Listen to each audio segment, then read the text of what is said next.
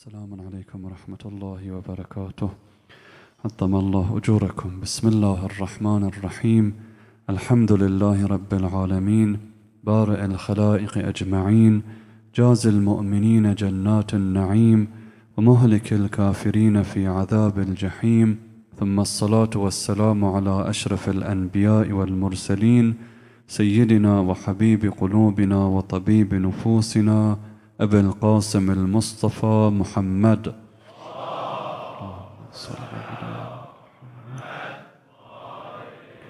وآله الطيبين الطاهرين الغر الميامين لا سيما بقية الله في الأراضين روحي وأرواح العالمين لتراب مقدمه الفداء واللعن الدائم على أعدائهم أجمعين.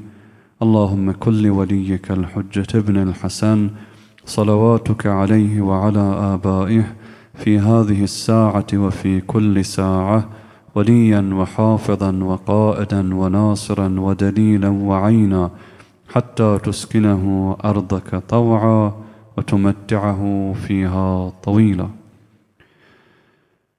صفات الشیعه بحثیه که با هم دیگه داریم حالا تو این دو شبی که مونده انشاءالله صحبت کنیم. اگرچه خب این این مسائل بیشتر از ده جلسه می‌خواد تا انسان بتونه به همه تفاصیل برسه. ولی ما به اندازه این که انسان یه نگاه کنه افقی که اهل بیت از انسان خواستن بتونه درک کنه تصور کنه به همین مقدار داریم به هم دیگه بحث می‌کنیم. چهار تا مصطلح این ابتدا فرقاشو به هم عرض کنیم وارد بحث امشب بشیم که می‌خوایم صفات سلوکی شیعیان اهل بیت به هم بحث کنیم. یک مصطلح مصطلح موالیه کسی که موالی اهل بیته یعنی اون کسی که اعتقاد داره اهل بیت علیهم السلام ائمه برحق هستند و من باید تابع اونا باشم. یعنی اون شیعی که ما معمولا وقتی سوال می‌کنن شما چه مذهبی دارید؟ میگیم ما شیعه هستیم یعنی ما موالی هستیم. به اصطلاح خیلی از روایات به ما میگن موالی یعنی اون کسی که ولایت اهل بیت رو قبول داره. در مقابل اینا کیا هستن؟ کسانی که یا مخالف بهشون میگن یا معادی. پس ما حالا الحمدلله موالی هستیم خدا رو شکر.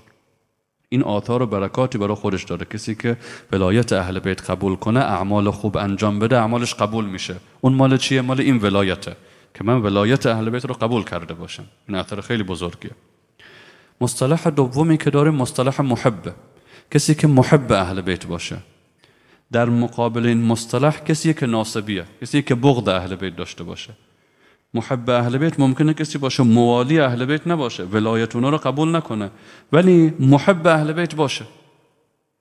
لذا اون روایاتی که مثلا میفرماد یا علی لا یحبک الا مؤمن و لا یبغضک الا ابن زنا یا مسائلی از این قبیل اون درباره تقسیم محب و مبغض داره صحبت می‌کنه نه موالی و غیر موالی. ما بریم همه رو بخیه بگیم آقا همه اینا اولاد زنا هستن و بالله. اون مال نواسبه. اون مال مبغض اهل بیت علیهم السلامه محب اهل بیت خصوصیاتی داره برای خودش. البته این همه درجات داره دیگه. محب درجات داره تا برسی به امثال سلمان و مقداد. اونا هم محب بودن. ولی گاهی وقتا محب که میگن منظور اونی که علاقه به اهل بیت علیهم السلام و محبت اهل بیت داشته باشه. اینم برای خودش یک آثاری داره. یکی از آثارش اینه که آخرش اهل بیت علیهم السلام شفاعت می‌کنن. اینکه تو روایت داریم روز قیامت ندا میاد یا ایها المحبون لفاطمه تعلقوا باهداب مرط فاطمه. از زهرا وارد بهش که میشن چادرش همینجور می‌کشن رو سرات و پل سرات بعد از اون اهدابی داره رشته هایی داره چادر از از زهرا هر کسی متعلق میشه به یکی از اون محبین. ولی با اون خطری که دیشب عرض کردم. کی انسان متعلق بشه به اون اهداب ممکنه سالها طول بکشه. روایت خوندیم ممکنه 300 هزار سال طول بکشه تا انسان بتونه دست بگیره چادر از از زهرا روز قیامت. به اندازه همت و اعتصامی که تو دار دنیا داشت. ولی گفتن شفاعت می‌کنن از محب. گفتن برای محب دعا می‌کنن تطهیر گناه ها و اینا براش هست. این مصطلح دوم موالی مصطلح دوم محب. مصطلح سوم که دیشب با هم دیگه بحثش نکردیم مصطلحیه که خیلی وقتا ما رو بهش متهم می‌کنن میگن رافضی. این آیه ما تو روایات داریم اشاره به این یک مصطلحی که درست شده. یه روایتی داریم از عمار دهنی که از اصحاب امام کاظم علیه السلام بود. ایشون رو بردن محکمه شهادت بدن به یه مسئله. ایشون که شهادت داد قاضی برگشت بهش گفت آقا ما تو رو قبول نداریم. چرا؟ چون تو رافضی هستی. لذا شهادت تو مورد قبول نیست. تا اینو شنید زد زیر گریه شروع کرد گریه کردن. اون برگشت بهش گفت که خب تا اگه مردش نیستی نمی‌خوای جزو اینا باشی خب بیا تبری کن از اونا میشه جزو اخوان و برادران ما. فرمود نه من گریه نمی کنم برای این. من دارم گریه می‌کنم. یه طرف برای خودم گریه می‌کنم یه طرف برای تو دارم گریه می‌کنم. برای خودم گریه می‌کنم که به من یک منصب و مقامی دادی که من از امام صادق علیه السلام شنیدم که ایشون فرمود رافضی مصطلحیه که اولین بار برای سحره فرعون گفته شد. وقتی رفض فرعون کردن اونا بیشترین حزب حضرت موسی بودن که عبادت می‌کردن و محبت موسی و هارون داشتن. رافضی مقام اوناست. تو منو منصوب کردی لقبی به من دادی که لقب اون افراده. من اصلا لیاقتش ندارم. من اگر روز قیامت خدا به من گفت آیا تو رفضت کل الاباطیل؟ من جواب ندارم بدم. من گریه کردم برای خودم که همچین مقامی به من داریم باور کنم روز قیامت بدبخت میشم. و گریه بر تو می‌کنم که تو همینجوری مفت داری القاب تقسیم می‌کنی. اگر فردی الان مثلا مثال میگم. من به بنده بگن آیت الله العظما من راضی بشم گناهکارم. اونی هم که این لفظ به من داده گناهکاره. هر دوتون چون نه من مستحق اون لقب اون اجازه نداره همچین حرفی بزنه. من برای خودم گریه می‌کنم و برای تو گریه می‌کنم که همچین لقبی به من دادی. بعد اومدن برای امام کاظم علیه السلام. ارز کردن آقا جان امار دهنی همچین حرفی زده همچین قصه اتفاق افتاده. ایشون فرمودن به خاطر این احساس و شعور امار دهنی خدا تمام گناهاشو بخشید. اگر حسنه داشته باشه به اندازه یک ذره خردلی خدا اون حسنه رو هزار بار بزرگتر از کل دنیا می‌کنه روز قیامت بهش میده. چون می‌دونست که این مقام مقام بلندیه. ما اگر همچین احساسی تو قلبمون بیاد خودش نعمته. این اگر ما از صفات شیعه وقتی بشنویم احساس کنیم ته قلبمون ما کجا و شیعه بودن علی ابن ابی طالب؟ این همونیه که تو روایات فرمودن دمک نفسک افضل من عبادت اربعین سنه این خودش یک عبادت برای انسان همچین شعوری برای انسان دست بده.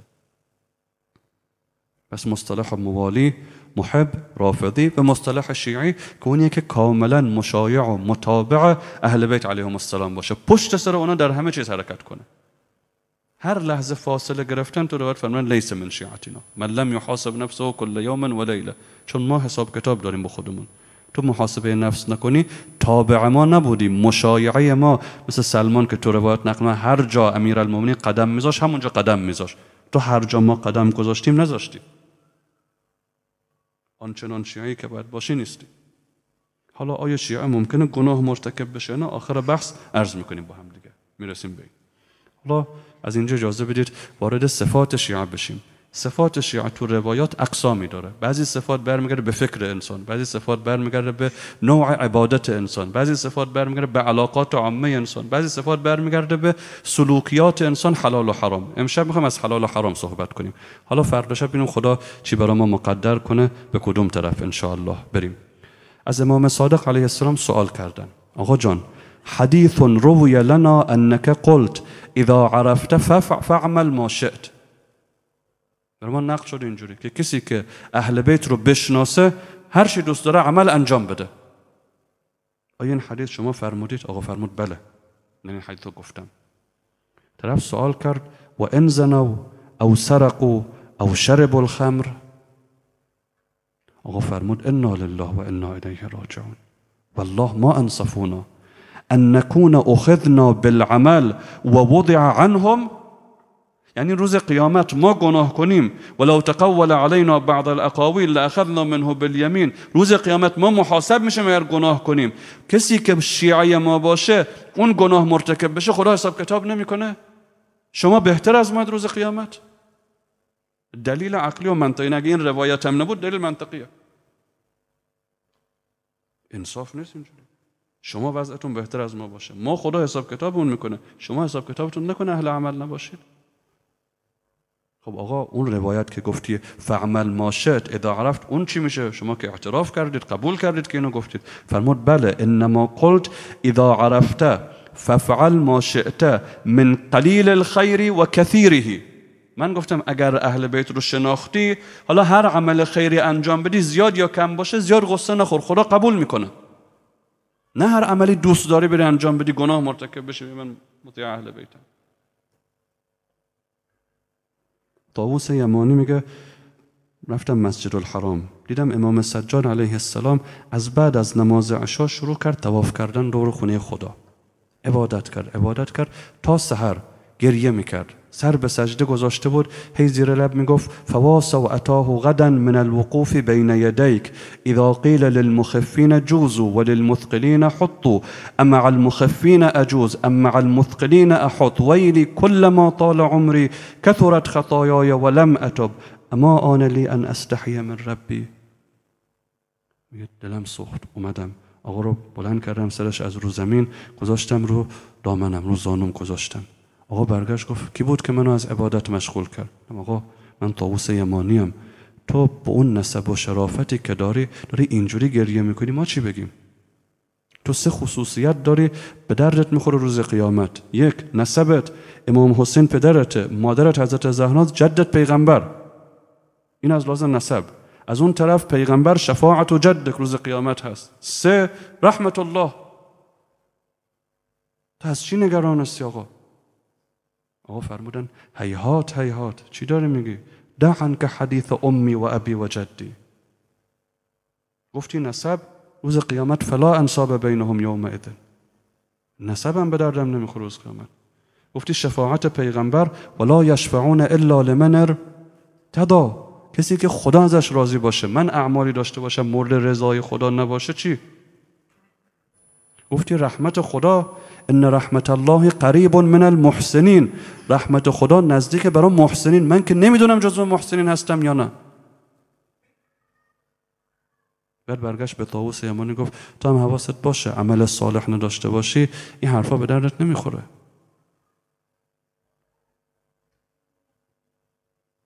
یا روایت بخونم یه ذره سنگینه. فرمودن تو روایت من کان عاصیا لم تنفعه ولایتنا شرح که شهید متحری داره اینجوریه. میگه فرض کنید دو نفر برن پیش دو تا طبیب دو تا دکتر. طبیب الف بهترین طبیبه. طبیب با بدترین طبیبه.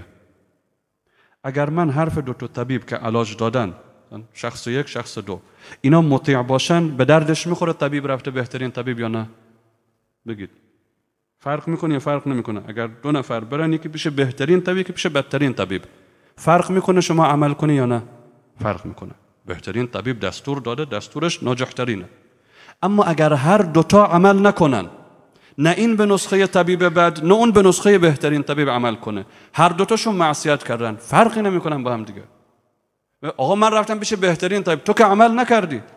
حالا پیش بهترین طبیب رفته باشی. وقتی عمل نکردی به دردت نخورد بهترین طبیب. شو اینجوری توضیح میده. حالا نمی‌خواد بگه اصلا ولایت به درد نمی‌خوره. عرض کردم موالی اهل بیت بودن یه شفاعت های نصیبش میشه یه ذره براش تطهیر گناه ها و اینا هست. ولی می‌خواد بفرد وقتی معصیت می‌کنی دیگه نگو چون من علی ابن ابی طالب دارم خدا معصیت ما چی هم بگه؟ اینجوری نیست. خب حالا عمل کنیم چیکار؟ چجوری عمل کنیم؟ من می‌کنم سریع برسم که خیلی وقت شما نگیریم عزیزان. خب به چی عمل کنیم؟ چه اعمالی؟ دو تا عمل هست و روایات زیاد برای صفات شیعه ذکر شده. در روایتی میفرماید والله ما شیعت علی الا من عف بطنه و فرجه و عمل لخالقه و رجع ثوابه و خاف عقابه. عفت بطن و عفت فرج. تو روایات دیگه همه بلدید کربلا کیا امام حسین کشتن. قتیل و اولاد البغایا حرومزاده ها کشتن. یک یا کربلا حسین کشتن ملعت بطونکم من مال حرام حروم خورا این دوتا خیلی برای انسان مهمه عفت بطن و عفت فرج حالا یه ذره از عفت فرج هم در قسمت هم از عفت بطن عفت فرج در روایت داره شخصی به نام مرازم از اصحاب امام کاظم علیه السلام میگه اومده بودم مدینه یه منزلی برای خودم اجاره کرده بودم. وقتی رفتم تو اون منزل دیدم یه جاریه یه جاریه ای هست. بالاخره به دلم افتاد. گفتم بیا ما از راه حلال. گفت نه من نمی‌خوام. میگه شب شد بعد از نماز عشا اومدم دوباره در زدم. ایشون در باز کرد. من یه غلطی مرتکب شدم. تعدی کردم. فردا صبح که رفتم پیش امام کادم آقا بهم فرمود یا مرازم.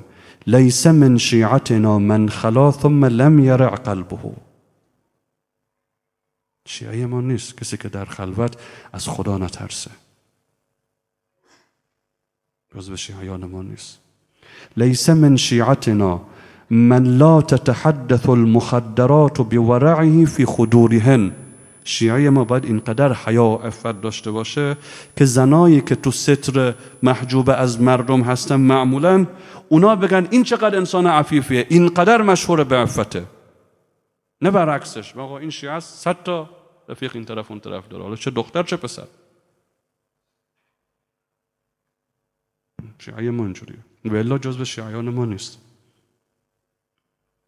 ادامش بخونم وليس من اولیائنا من هو في قرية فيها عشرة آلاف رجل فيهم خلق لله أورع منه.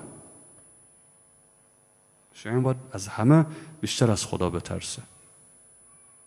آقایان ما وقتی اطعام مسکین و یتیم و اسیر میکردن میگفتن أنا نخاف من ربنا یوما اونایی که قسیم الجنت و النار بودن از جهنم میترسیدن.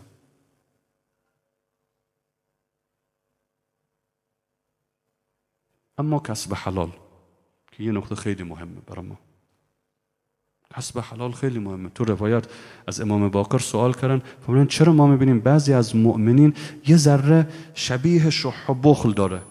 همینجوری راحت پولاشو خرج نمی‌کنه. برای چی؟ آقا فرمود چون مؤمنین لانه یکسب الرزق من حله و مطلب الحلال عزیزون. این زحمت کشیده. برای یک درهم یک درهم یک فلس یک فلسی که در آورده دنبال حلال بوده. این همینجوری نمی‌تونه خرج کنه. بعد میفرماد آقا و ان سخت نفسه لم یضعه الا فی موضعه. وقتی هم می‌خواد خرج کنه میگه کجا اونا به من اجازه دادن؟ من یه سوال کنم. رزق حلال از طرف اهل بیت هست یا نیست؟ اونا واسطه فیدن. هر چیزی از آسمون برای انسان بخواد نازل بشه به دست اهل بیته. اگر کسی رزقش حلال باشه یعنی از دست امام حسین گرفته اگر بره خرج کنه در مقاطعه چیکار کرده؟ از پول امام حسین گرفته به یزید داده. نه فقط گناه همینجوری مرتکب شده. اگر رزق حلال انسان داشته باشه یعنی از دست امام حسین گرفتی. از دست از زهرا گرفتی. بعد بری بدی به دشمنشون. فرمود شیعه ما چون رزقش حلاله همینجوری صرف نمی‌کنه. نگاه می‌کنه موضعش هست خب همونجا بذارم. لذا خب باید این نقطه همه عزیزان توجه کنن. خیلی حواسون باشه به رزقمون. مکسب انسان حلال باشه. ولی ارز کردم میشه مال ادبطونکم من الحرام. ساده نگیریم. یه وقتی گفتن آقا مثلا عملات الکترونی. آقا من برام چی؟ حالا نمیگم حلال یا حرام. هر کسی مرجع تقلیدش نگاه کنه. ساده نگیریم. یه وقتی حرام در اومد یه عمری خوراک حرام خوردی. شوخی نیست. قمارهایی که دیگه من قبلا صحبت کردم. قمارهایی که درباره این بازی ها و بسکتبال و اینا هست اشکال شرعی داره. رزق حرام مثلا تو زندگیش بره بدبخت میشه.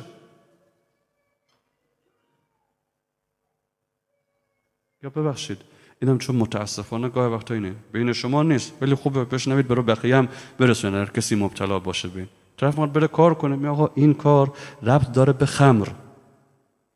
می‌دونید کسی که کارش ارتباط پیدا کنه با خمر چقدر گرفتار میشه؟ روایت داریم از پیغمبر فرمود لعن رسول الله صلی الله علیه و آله فی الخمر عشرتا غارسها. کسی که درختشو زده.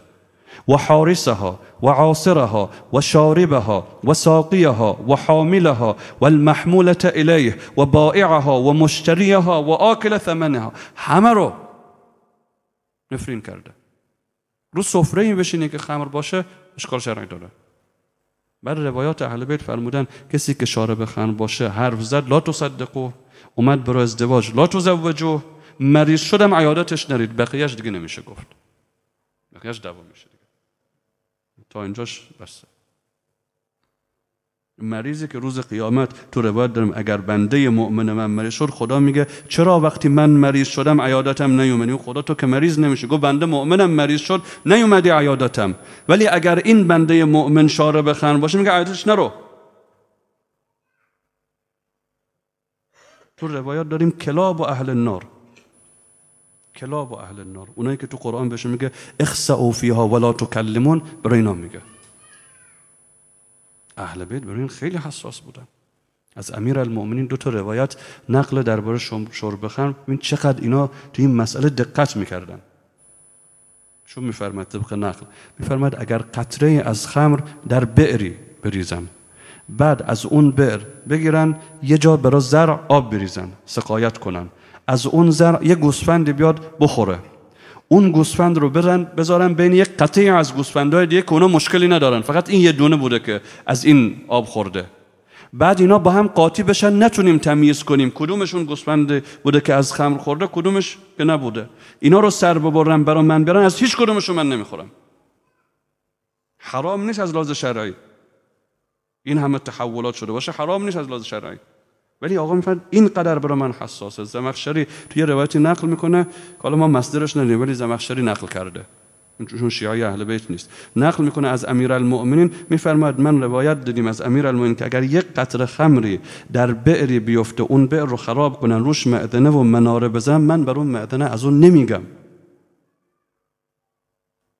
حالا انسان بره سراغ کاری میگه تو کار تو خمر داره یا ناقلش یا حاملش یا اهمیت نداره. چی میشه؟ حالا شبیهش چون اینا متاسفانه گاه تو خبر می‌رسه که بعضی چیزا اینا. شبیه خمرم گفتن مخدرات. تو روایت داریم فرمود فقط خمر نیست به خاطر اسم خمر که نگفتن خمر حرامه. چون عقل رو از بین می‌بره در فساد رو باز می‌کنه برای انسان. خب اگر اینجوری انسان دوچار این مسائل بیفته همینجور بره مکسب حرام باشه بر فر پس از کجا معلومشون مقابل امام زمان نیسته؟ اصلا شیعه هیچ. محب و موالی می‌تونه بمونه. اینا خیلی خطرناکه. ازا باید آدم دقت کنه. آخر الزمان فرمودن یک فیه شرب الخمر. الان آدم می‌بینه تو این اعلانات و برنامه ها و بارات اسلامی و اینا درست می‌کنن. معلومه که دنبال چه اهدافی هستن. خدا به داد ما برسه. خب حالا ما چیکار کنیم؟ حالا الحمدلله شما که کسی مبتلا به این چیزا نیست. ولی چیکار کنیم؟ بتونیم یه ذره بریم جلو. ما که نمی‌تونیم یهو تمام واجبات انجام بدیم یا همه محرمات ترک کنیم. سخته. آقا دو تا کار انجام بدیم. کار اول گناه های بیخودی انسان مرتکب نشه. یعنی چه گناه بیخودی؟ آقا من عادت دارم فوش میدم. هیچی هم نیست همینجوری فوش میدم. این گناه بیخودیه. خب چرا آدم برای خودش آقا اونجایی که اعصابم خراب میشه آقا ول کن اونجایی که اعصابت خراب میشه. اونجایی که راحت نشستی برای خودت عادی نکن فوش دادن. عادی ما نشستیم حالا بس یه غیبتی کنیم. آقا زیاد مهم بود الان غیبت کنی اعصابت خراب. نه بالاخره نمک مجلس ما همین غیبت کردنه. حالا ول کن یه بار مجلس بدون نمک باشه. اینا غیبت های بیخودیه. یه وقتی یک کسی یه جا نشسته بقیه غیبت می‌کنه آقا من سختمه نهی از منکر کنم اینا. اونا رو فعلا بذاریم کنار. حالا حالا فعلا اون چیزایی که بیخودیه حقوق والدین بیخودی.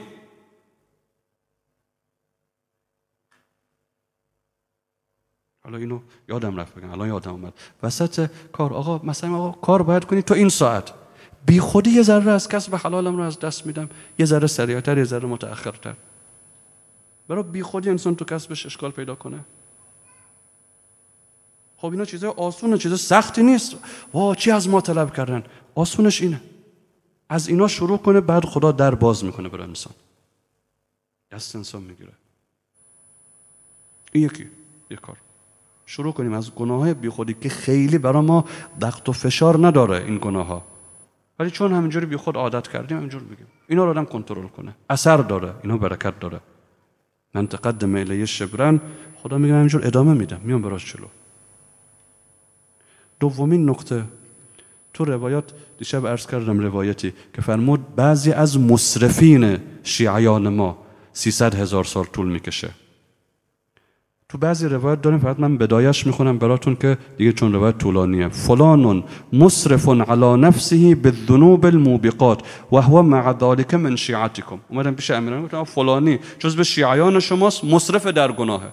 آقا توضیح میدم مفصل یکی از حرفایی که می‌زنن ایشون میفرمن اگر ایشون مصرف نباشه در گناه گناهکاره ولی مصرف نیست در گناه. اون شیعه ما هست. چی می‌خوام بگم؟ می‌خوام بگم برای شیعه بودن حد اقلش اینه که انسان اگر دچار گناه میشه اصراف در گناه نکنه یعنی چی؟ نگو آقا دیدید در مثل می آقا اگر رفت رفت غرق شد زیر آب چه یک وجب چه صد وجب نه آقا فرق می‌کنه من در ماه یه بار گناه مرتکب بشم با هر روز گناه مرتکب بشم خیلی فرق می‌کنه وقت شیطان آقا تو افتادی تو گناه. باشه اولین قدم چیه؟ کسر عادت به گناه یه جوری باشم روز قیامت وقتی گفتن بگن ایشون گناهکار بود ولی مصرف نبود. عادت به گناه نداشت همینجوری نه. هر دفعه خودش سعی می‌کرد تو گناه نیفته. حالا بعد از مدت دوباره تو گناه افتاد. باشه. بعد از مدت دیگه دوباره تو گناه افتاد. اما عادت و عاده و عادی براش نشه. قدم اول اینه آقا من نمی‌تونم قد بسر کنم. آقا قدم اول. زیاد گناه نکنه انسان. آقا گناه آقا کن. زیاد گناه نکنه انسان. روز قیامت نگن ایشون مصرف به ذنوب بود. ایشون گناهکار بود. خوبه یه قدم جلوتر رفتنه. خیلی سخته؟ نه. تو خیلی از گناه این سخت نیست. شروع کن آدم از اینجا. حالا یه روایت بگم یه ذره آدم بترسه بریم سراغ مقدمه روزه عزیز دلمون برامون روزه بخونن. سوال کردن از پیغمبر اکرم آیا محبین شما و علی ابن ابی طالب جهنم میرن یا نه؟ ایشون فرمودن من قذر نفسه بمخالفة محمد و علی علیهم السلام جاء یوم القیامت قذرا طفسا. یه روز قیامت میگن و لباس التقوا ذالک خیر. لباس تقوای انسانه. هرچی گناه کرده این انسان کسیفتر روز قیامت محشور میشه. یقول له محمد و علی علیهما و آلهم السلام. اللهم صل یا فلان انت قذر طفس. طفس یعنی همون کسافت و قذارت. لا تصلح لمرافقة موالیک الاخیار تو با ما سنخیت نداری. ولا لمعانقة الحور الحسان ولا لملائكة الله المقربين. تو وجودت با بهشت و اهل بهشت جور در نمیاد. هر کاری کردیم تو دنیا با گرفتاری فایده نداشت. تو برزخ اونقدر کسافت بود تو وجودت که طاهر نشد. تا اینجا قیامت که رسیدی فایده نداره. بعد دستور میدن ببرنش جهنم طبق اول جهنم. بعد میفرماد ثم یلقطه من هنا و من هنا من یبعثهم الیه موالیه من خیار شیعتهم کما یلقط الطیر الحب. یعنی مباشره دیگه خودشون شفاعت نمی‌کنن برای بعضیا. میفرستن یه کسی از خیار شیعه مثلا سلمان تو برشون رو نجات بده. ابو در تو برشون رو از جهنم نجات بده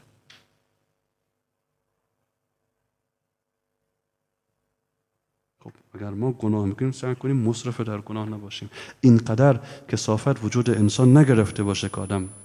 دیگه خدا آقایونه که ما می‌خوایم شفاعت خودش بهت میگه. میگه برو انت قدر تفس. وای به حال انسانی که شفیعش خسمش بشه روز قیامت.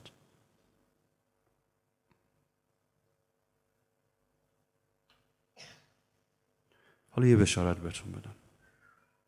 البته بشارت هایی که خوف رو زائل کنه نیست. این دروغه. ما یه بشارت بدم.